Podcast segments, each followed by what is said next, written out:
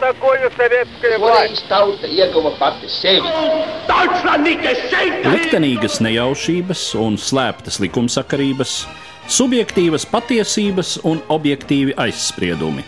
Pēc atkušņa nekad nenāk uzreiz pavasars, bet sākās Arī šodien cilvēki ir ļoti tuvredzīgi. Viņi redz to naudu, kas ir. Televīzijā jau pamatā notiek cīņa par varu. Pagātne no šodienas skatu punkta un šodienas caur pagātnes prizmu. Raidījumā šīs dienas acīm. Katru svētdienu Latvijas radio eterā Eduards Liniņš. Labdien, cienījamie klausītāji! Pagājušajā nedēļā vēstures un sociālo zinību pedagoģi pulcējās diskusijā Latvijas prezidenta pilī, kas bija zināmā mērā kulminācija tādai diskusijai, kas jau labu laiku notiek sociālajos tīklos, brīžiem parādās medijos, proti par vēstures vietu un tās mācīšanas kvalitāti šī brīža izglītības sistēmā. Un eh, šī tēma ir arī mūsu šodienas sarunas temats. Un mani sarunbiedri studijā ir vēsturnieki un arī dzan pedagoģi Artis Buks, labdien, Labdien! Valdis Klišāns Labdien! un Edgars Engīzers, labdien! Labdien! Droši vien nu jau veidojas tāds mītiskots priekšstats par to, kas ir kompetenci izglītība. Tas ir tāds rēks, zināmā mērā, kas klīst, pārfrazējot klasiķus Latvijas informatīvajā telpā. Par to, vai tas ir labi vai tas ir slikti. Cik lielā mērā tā problemātika, kuru šobrīd rosina vēstures un eh, sociālo zinību pasniedzēji, ir saistīta ar šo vispārējo izglītības paradigmas virzienu. Jūs pilnīgi precīzi pateicāt, ka kompetenci izglītība sabiedrībā, varbūt, kas nestāv ļoti tuvu izglītības problemātikai, ir tāds mītisks jau vārds. Un sabiedrība kaut kādā veidā ir sašķēlusies divās daļās. Viena ir par, viena ir pret, bet es teiktu, ka bieži vien cilvēki varbūt nemaz nesaprot, ko tas nozīmē. Kompetenci izglītība nav nekas tāds jauns ļoti. Tā ir tāda tendence daudzās Eiropas valstīs jau ilgāku laiku. Es to skaidrotu pilnīgi vienkārši. Jebkurā profesijā, jebkurā jomā ir kompetenti un nekompetenti cilvēki. Un kompetents cilvēks ir tas, kurš rīkojās, es pat teiktu, diezgan automātiski tajā jomā, ko viņš pārzina un prot, kad viņam nav nepieciešams tagad nodalīt šito es zinu, šito es protu, te es nezinu. Nu, jebkurš, teiksim, vēsturnieks, ja viņš saskarās ar kādu vēstures problēmu, uzreiz viņam automātiski strādā prāts, viņš rīkojas un spriež kompetenti. Kompetenci izglītība pēc būtības ir trīs elementu savējums - zināšanas, izpratne, prasmes un attieksmes. Bet problēmas, kas šobrīd ir pie mums radušās, tās ir radušās šīs reformas rezultātā, bet ne tieši kompetenci izglītības pieejas dēļ. Tātad jautājums, ko jau es saprotu, mēs šeit diskutēsim. Vēsturē būt atsevišķam priekšmetam, vai vēsturē būt integrētam ar sociālajām zinātnēm kopā. Pēc būtības tas nav kompetenci izglītības jautājums. Tas ir jautājums par stundu struktūru, par jomu sadalījumu. Ir iespējama vēsture mācīt kompetenci pieejā gan atsevišķā priekšmetā, gan integrēti. Zināmā mērā jāpiekrīt. Jā. Principā es par pašu kompetenci pieeju varu teikt, it sevišķi sākumā, kad sāku saprast. Liela daļa pedagoģa vēl joprojām nevar saprast. Mēs staigājam pa kursiem un prasām kursu vadītājiem, kas tad ir. Ja neviens nevar tā precīzi nodefinēt, apmēram kā valsts tagad arī. Es biju sajūsmā, un tā ir radoša pieeja ārpus rāmjiem. Bet uh, problēma jau ir nevis nekompetenci pieeja, bet kā tā tiek realizēta ka viņa uzreiz tā ir kaut kāda tāda pilnīga tradīcija. Visu birokratizēt, visu ielikt tādā prokrusta gultā, rāmjos. Un tad ir dzirdēts, ka kādā skolā piemēram skraida vadība apkārt pa klasēm un skatās, vai uz tāfeles ir uzrakstīts sasniedzamais rezultāts stundā. Piemēram, un līdz ar to tas jau saprot. Es, ja drīkstētu papildināt arti, man visā šajā piedaloties, kādreiz arī bija diezgan tādi spilgti piemēri, ka tie mēs cilvēki, kas esam sprieduši par šo kompetenci pieeju projekta ietvaros skola 2030, vienojamies par kaut ko vienu un ļoti labas un gaišas idejas patiešām. Un kad es aizēju uz skolu, un pēc kādas nedēļas divām esmu šo pašu, ko mēs esam sprieduši, saņēmu skolā, kad tas ir izgājis cauri visām institūcijām. No izglītības ministrijas, pašvaldība, izglītības pārvalde. Tur atkal ir virkne atbildīgu personu, kas to nointerpretē, kā to saprot. Tad bieži vien es esmu bijis pilnīgā šokā kā šī ideja ir transformējusies, nonākot no tās autoriem, radītājiem līdz lietotājiem. Un es domāju, ka šis ir viens no problemātiskākajiem jautājumiem tieši izglītības satura un principu maiņa, kā viņa ir iecerēta un kā viņa tiek realizēta.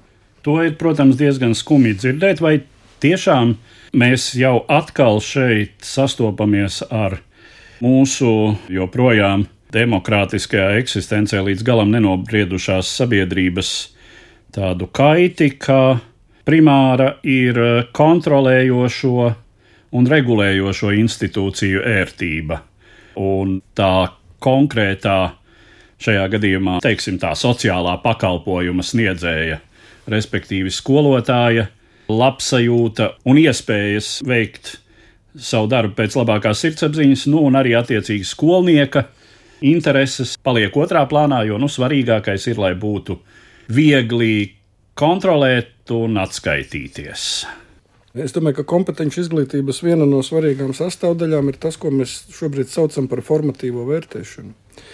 Un formatīvā vērtēšana ir vērtēšana procesā, jo vārds formatīvs tas ir veidot. Cilvēks kaut kādas veidos jau zināšanas, un viņš kaut kur kaut kādos solīšos, ko viņš veids, Viņš varbūt kaut ko nesaprot, varbūt viņš kaut ko saprot savādāk vai kļūdaini. Un mans kā pedagoga pienākums ir palīdzēt viņam šajos zināšanu konstruktos, ko viņš veido iet uz priekšu. Nu, es paņemšu piemēru. Man var skolēns jautāt, sakiet, skolotāji, kas tie tādi gladiatori? Vai tie tie četrkājainie rāpuļi, kas purvos dzīvo? Tas tāds ļoti slavens vēsturniekiem joks, kad gladiatori tiek sajaukti ar aligatoriem, bet mazam bērnam tā var būt. Nu, viņam tie vārdi šķiet līdzīgi. Un es viņam varu pieiet un skaidrot, nē, tie nav aligatori, tie vispār nav rāpuļi, abinieki, tie ir vergi, kuri cīnījās Romas publikai par godu amfiteātros. Nu, skolēns to saprata, bet tagad pēkšņi man šo formatīvo vērtēšanu ir jāizsaka procentos. Sakiet, kādi ir šie procenti? 50%, viņš tagad sapratis to 60%. Pēc būtības tas tikai liecina, ka bieži vien izglītības ierēģi paši nesaprot šīs lietas, un viņas mēģina pielāgot veco sistēmu, drusku izteikt jaunos skaitļos. Es domāju, ka 50% viņu izpratnē ir tā pati atzīme 5, un atzīme 60% ir 6. Tas tikai viens piemērs, kur buksēs, domāju, daudz kā šī sapratne. Bet tādās birokratizētās sabiedrībās vienmēr bijis, ka panākumi ir drīzāk par spīti sistēmai nekā pateicoties viņai. Un arī šobrīd, ja mēs paskatāmies, tad panākumi ir tad, kad skolotājs iemācās izlīferēt starp obligāti nododamiem visādiem plāniem, par kuriem viņiem ir skaidrs, ka tie nepiepildīsies nekad. Un tā tālāk viņš vienkārši strādā, tāpēc, ka viņam patīk ar tiem jauniešiem. Un, un, tā birokrātija vienkārši nu, tā ir tāda garoziņa. Katram darbam ir sava garoziņa, un es domāju, tas pat nav šobrīd tas aktuālākais. Man vairāk interesē, ka vēsture kā joma, kā nozare tiek izstumta no skolas diezgan mērķtiecīgi. Jo Jā. man ir sajūta, ka vidusskolā praktiski vairs nav. Tā vismaz kolēģi saka, es esmu pamatskolā, 7. līdz 9. klasē. Man pašam ir sajūta, tāda klusa iekšēja, ka jāsāk meklēt kursus, kur var pārprofilēties, par uh, sociālo zinību skolotāju, jo tas ir topā tagad, jau iet bruģi likt kaut kā negribās. Es saprotu, tas arī ir šī brīža eh, jautājuma aktualizēšanas galvenais iemesls, ka patiešām vēsture, vai es pareizi saprotu, ir no mācāmo priekšmetu saraksta pazudusi, vai nu respektīvi apvienota kopā ar citām sociālajām zinībām, No vienas puses varētu šķist, nu kas tur slikts, jo, protams, vēsture, ja tā paliek kaut kādu faktu vai pat tikai procesu izzināšanas līmenī, nesasaistot to kopā ar uh, izpratni par vispārējiem valsts pamatiem, tiesiskajiem pamatiem, uh, politiskajiem procesiem valstī un tā tālāk, tas viss tā kā būtu jāuztver kā kaut kāds komplekss. Bet vēsture jau savā būtībā ir interdisciplinārs priekšmets, jo tādas tīras vēstures īsti nav. Vēsture, jebkura laikmeta izpēte, tur ir ekonomikas jautājumi, tur ir kultūras jautājumi, garīgās un materiālās, tur ir filozofijas jautājumi, tur ir militārie jautājumi, tur ir politiskie jautājumi. Beig, beigās ķīmija un fizika mums jāzina. Jā, jā, un e, vēsture ir starpdisciplinārs priekšmets, un es aizmirsu geogrāfiju pateikt. Vēsture bez geogrāfiskās telpas vispār neeksistē. Ja, Tātad tie visi notikumi ir risinājušies kaut kur uz šīs zemeslodes. Un tagad šo priekšmetu, kas jau ir pats starpdisciplinārs, vēl vairāk mēģināt integrēt kaut kādā veidā. Nu, es, es godīgi teikšu, tā, es redzu vēsturē diezgan cieši sasteigtas filozofiju. Jo filozofija, manuprāt, es gan neesmu filozofs pēc izglītības, bet es saprotu no komunikācijas ar filozofiem. Filozofiju var mācīt divos veidos. Var mācīt kronoloģiski, vēsturiskā, kā šī doma ir attīstījusies, teiksim, no antīko grieķu domātājiem, romiešu stoiķiem un viduslaikus holostiem un apgaismotājiem līdz mūsdienām, bet domas jau pa lielam ir tās koncepcijas vienas un tās pašas. Un filozofiju var mācīt balstoties uz problēmu pieeju. Es domāju, ka vēsture ļoti labi kaut kādā veidā iet kopā ar filozofiju, apgūstot dažādus vēsturiskos laikmetus. Mēs varam arī skatīt, kādas bija, teiksim, domas par pasauli tajā laikā. Es domāju, ka vēsture iet diezgan labi kopā ar reliģiju. Es domāju, nevis reliģiju tādā teoloģiskā izpratnē, bet reliģiju kā laicīgu disciplīnu, jo visu mūsu kultūru jau patiesībā nosaka reliģiskais mantojums - kristietība, islāms, judaisms un tā tālāk. Un, protams, arī politikas vēsture. Nu, vēsture vienmēr būs politikas vēsture, lai ko tu nemācītos. Tā tad viņš jau iet kopā, bet tagad vēsture kaut kādā veidā mākslīgi vēl mēģināt saintegrēt ar biznesa ekonomiskajiem pamatiem, nu, ziniet, es būtu tomēr skeptisks. Un uh, arī vēstures skolotāju biedrībā, kad mēs gatavojamies šai konferencē, mums bija diezgan tāds izkristalizējies uzstādījums, ka šajā esošā situācijā šīs astoņas zinātnes, kas ir saliktas vienā jomā, vēsture un sociālās zinātnes, tomēr mēs varētu smuki sadalīt divās daļās. Viena ir tā, kas attiecas uz pagātni, un kas līdz ar to pārsvarā ir humanitāra joma. Un tas, kas ir šodiena, politika, ekonomika, biznesa un viss pārējais, tā ir šī sociālā zinātne. Jo es piekrītu arī profesoram Andrim Šnē, kurš konferencē teica, ka ja mēs vienkārši saliekam sociālās zinātnes kopā ar humanitārām, humanitārā vienmēr būs spiesta piekāpties. Jo skaidrs, ka šodienas aktualitāte vienmēr cilvēkam dominēs par kaut kādām ilūzijām par pagātni vai diskusijām par pagātni. Nu, tāds tas viedoklis pie tam nevis sociālajām zinātnēm, bet sociālajām zinībām. Tā tur ir, ar, te, tur ir dažādas lietas. Pamatkursā ir sociālās zinības, optimālajā kursā jau saucās sociālās zinātnes.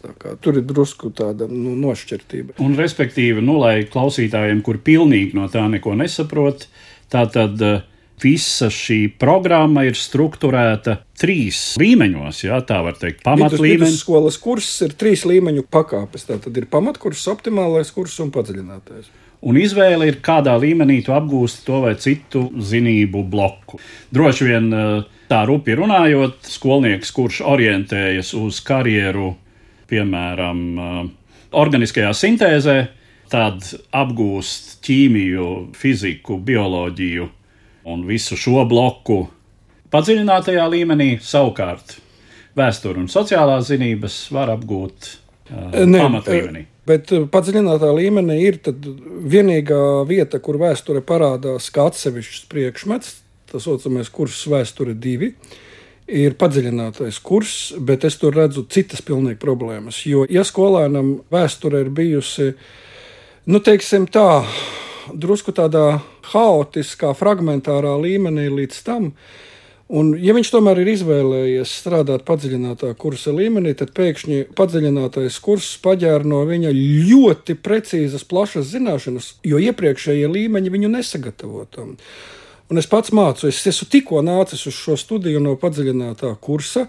Nu, ziniet, ja es paņemtu visas tās prasības, ko padziļinātais kurs man prasa tagad no, no programmas, padziļināto kursu, nu, pat pieņemsim to, kā zviedru laiku interpretācijas ietekmē mūsdienu sociālās attiecības. Ziniet, man ir jākasa diezgan daudz galva un jādomā, ko es tur to vispār saprotu. Bet mani skolēni, kuri līdz tam vēsturi ir mācījušies vairāk vai mazāk sistemātiski pamatskolā, un tad viņiem ir bijuši kaut kādi fragmenti vai piemēri optimālā kursa līmenī, pēkšņi viņiem ir e, šis milzīgais faktoloģiskais zināšanu daudzums jāzina.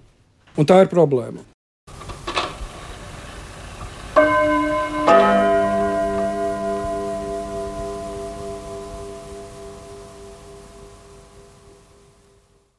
Sarunā par vēstures mācīšanu skolā, sevišķi iespējamo vēstures integrēšanu ar citām sociālajām zinātnēm vidusskolas mācību programmā, piedalās vēsturnieki un pedagoģi Artis Buks, Edgars Engīzers un Valdis Klišāns.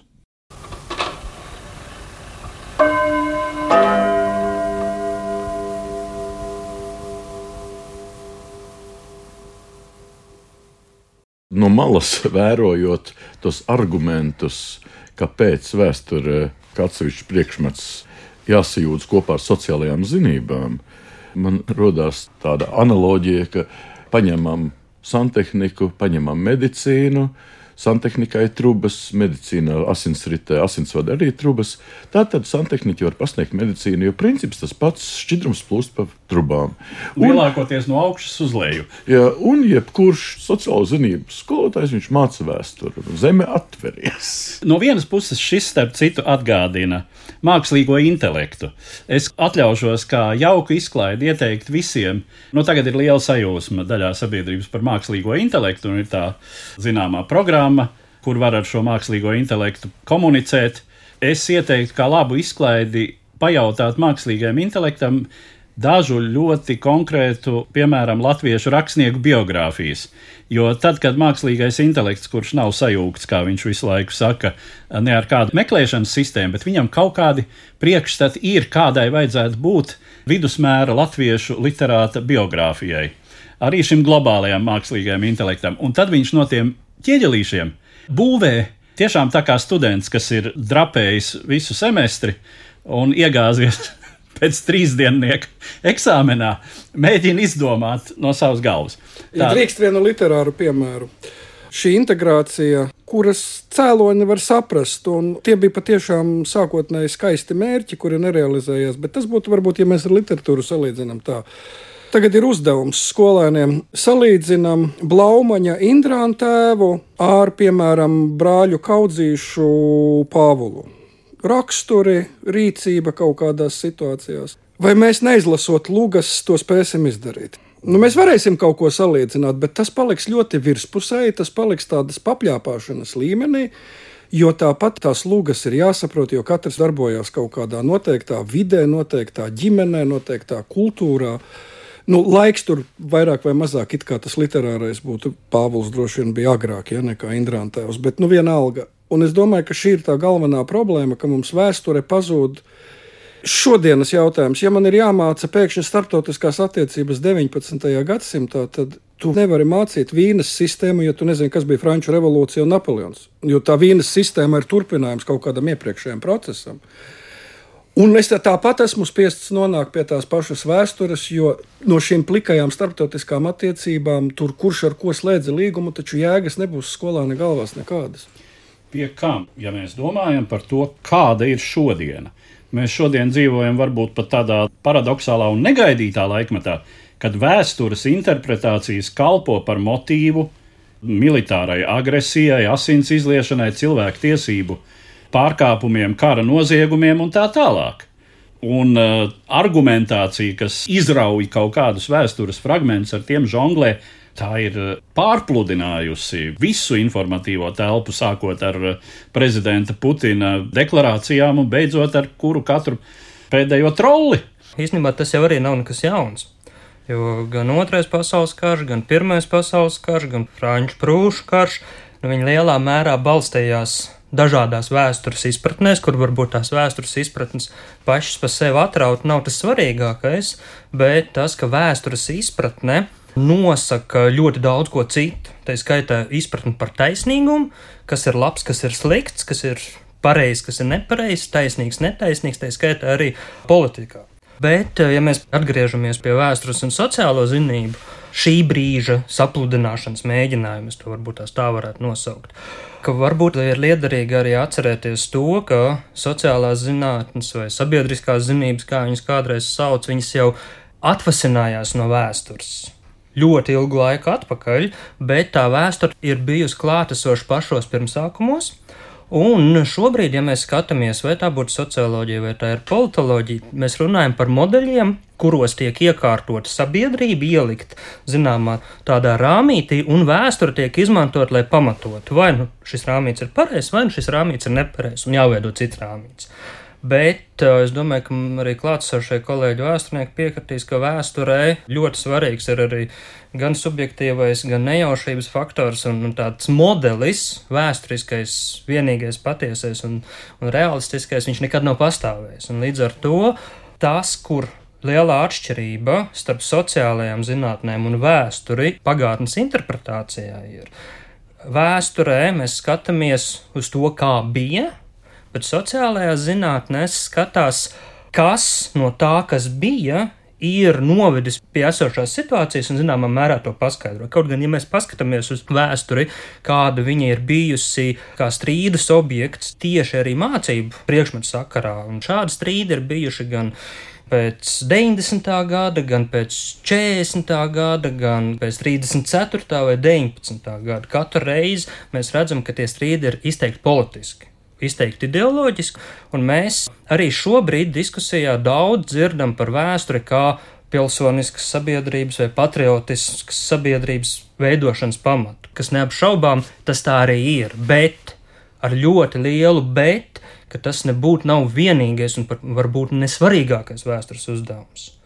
Ja mēs skatāmies, ko mēs no šī priekšmeta gribam dabūt, vai mēs gribam dabūt sabiedrību, kas var pielasīt vēstures faktus, kas pamato kaut kādu modeli, vai mēs ar vēstures zināšanām radām domājošu sabiedrību, jaunradošu sabiedrību, tā skaitā runājot arī par identitāti, par piedarību. Nacionāla valsts jau nav tas vienīgais rāmīts, kur vēsture ir ļoti svarīga. Īstenībā arī ģeopolitiskā orientācija ir izteikts vēstures izpratnes, ja pagātnes izpratnes rezultāts. Kurā pusē mēs esam? Kas ir labs, kas ir slikts? Arī šajā karā mēs redzam, kā vēsturi, kā domas virzītāju, vai latviešu sabiedrība vai Latvijas tauta ir Eiropas vai kaut kā cits sastāvdaļa. Tas viss mūs aizved principā uz vienu, uz kā mēs tulkojam, kā mēs saprotam, kā sabiedrība to, kas ar mums ir noticis pagātnē. Jā, tas man tieši vairāk uztrauc, ka par vēsturi skolā, nu, izglītības sistēmā, teiksim tā, spriež nevis kā par zinātni, domāšanas veidu kaut ko apgūst, kā mēs rekonstruējam, kā to dara, kā tas notiek, bet kā gatavu formulu krātuvi, kurai esot jāveicina patriotismu, jāveicina valstiskumu un tam līdzīgi. Un es godvārds neesmu pārliecināts, ka pirms ziņa, kā zemgaļi brauc mājās no sirojuma pa turētas lībiešu zemēm, pilnas ragavas piekrāvuši ar nocirstiem lībiešu galvām, ļoti veicinātu mūsu patriotismu. Vēsturē patriotismu vispār pat nav sakara. Ja tā ir zinātne. Un viņi visu laiku cenšas padarīt par kaut kādu tādu pielietojamu, par tādu patriotisku audzināšanu. Kā padomu laikos bija tā sabiedrības mācība. Un tāpēc man aizdoms, ka šeit arī slēpjas ka viņu sajūdz kopā ar tām sociālajām zinībām. Tieši ka tie, kas sajūdza viņu, tie neorientējas vēsturē, tie nezina, kas ir vēstures zinātne, lai gan skolā un vēstures zinātne atsevišķas. Un šādi nekompetenti cilvēki konkrētajā jomā nekompetenti, viņi arī to jūtas kopā. Un tad brīnās, ka kaut kas nestrādā. Es varbūt tās varētu pielikt klāt, ka šī nekompetence, ko varbūt varētu pat piekrist, nedomājot uz kādu nē, nē, viņi noteikti ir kompetenti citā jomā, piemēram, pedagoģijā, vēl kaut kur. Bet, Bet man mēs jau redzam, šķiet- šauri to Man savu šķiet, ka atslēgas moments ir pat nevis vēsture vai pagātnes uztvere, bet filozofija. Jautājums, priekš kam tas ir vajadzīgs? Man dzīvē ir bijis ļoti ilgstoši jāstrādā ar mācību saturu kopā ar citu priekšmetu skolotājiem. Un e, visās šajās sarunās par metodoloģiju, kas atbild uz jautājumu, ko un kāpēc, es esmu diezgan daudz saņēmis tādas iebildes, īpaši no dabas zinātnieku puses. Un es tagad viņas tā mēģināšu tā ļoti vienkārši izskaidrot. Kāpēc jūs mācāt tik daudz tos faktus? Māciet likumsakarības, lai mēs redzētu nākotni. Jo tā tad eksaktiem cilvēkiem, un arī sociālo zinātņu cilvēkiem, kur ir iespējams empirisks pieeja, kur ir iespējams eksperiments, ir iespējams ieraudzīt diezgan skaidras likumsakarības. Mēs vēsturē nevaram veikt eksperimentu. Un, uh, es domāju, ka visi arī pēdējo gadu notikumi pierāda, lai cik labi zinātu vēsturi, mēs vienalga nezinām, kas notiks rīt. Paskatieties, visi eksperti. Neviens neprognozēja karu, un viņš tomēr sākās. Neviens nebija paredzējis Covid. Tātad cilvēkiem šķiet, ka zinot vēsturi, var ieraudzīt pilnīgi precīzas sabiedrības attīstības likumsakarības. Bet vēsture it kā meklē uz to jautājumu, bet vēsture nekad nedod līdz galam atbildi uz šiem jautājumiem. Jā, nu man tā domājot, jo es savā darbā arī nu jau krietni daudzus gadus arī tā kā mēģinu atrast, tas ir, teiksim, mana autora raidījuma vadmotīvs šeit Latvijas radio, ko tad tā vēsture ir izdarījusi mūsu šodienai, ko šie vēstures notikumi ir nesuši mums, ko mēs jūtam no tā vēl joprojām. Tas, manuprāt, ir tas būtiskais, protams, bet droši vien ir tā, ka drīzāk var iemācīt ar vēstures piemēriem tieši to, kas šajā situācijā nebūs, kas no kā nevar iznākt. Bet to, kas būs, jā, nu, to droši vien, ka īsti ne. Zināmā mērā, jā, jo burtiski šodien es eh, plāpāju ar savu 9. klasi par eh, slaveno, ja nemaldos, 18. ASV konstitūcijas labojumu, tā saucamo sauso likumu. Un es viņiem saku, mēs izanalizējam, saku, nu tad kāds no jums, ja kādreiz sēdēs saimā, padomājiet par sekām. Vienmēr, jo visas lielākās glupības cilvēces vēsturē ir eh, labu nodomu inspirētas. Jā. Un sevišķi, ja ieraksts konstitūcijā. Attiecīgos īstenībā man noteikumus. ļoti patīk, ka, ka valdes minēja dabas zinātnes. Jo tas ir, nu, varbūt tas drusciņš tas, ar ko es pats esmu sācis interesēties pēdējā laikā, kur var redzēt ļoti lielas līdzības tieši ar vēsturi, un tā ir kvanta fizika, manuprāt. Kas nav prognozējama? Kas nav prognozējama, un kur visi atklājumi ir uh, izrietējuši tieši no tā, ka cilvēki dzenās pēc kaut kā jauna, avotu kritika, iepriekšējo darbu kritika, un, un pēc būtības, ja mēs populāru zinātnisko kvantu fizikas izklāstu ņemtu, Nu, es teiktu, ka vēstures avotu kritikas kursu studiju ievadā viņu varētu ļoti viegli piemērot. Un otrādi, tā problēma ir tāda, ka mēs, kā vēsturnieki, ļoti švaki zinām kvantu fiziku, un fiziķi savukārt ļoti švaki zina vēsturi. Tie, kas šobrīd pieņem politiskos lēmumus, nu, nerunājot par fizikiem, bet par eksaktīvo nozaru pārstāvjiem kopumā.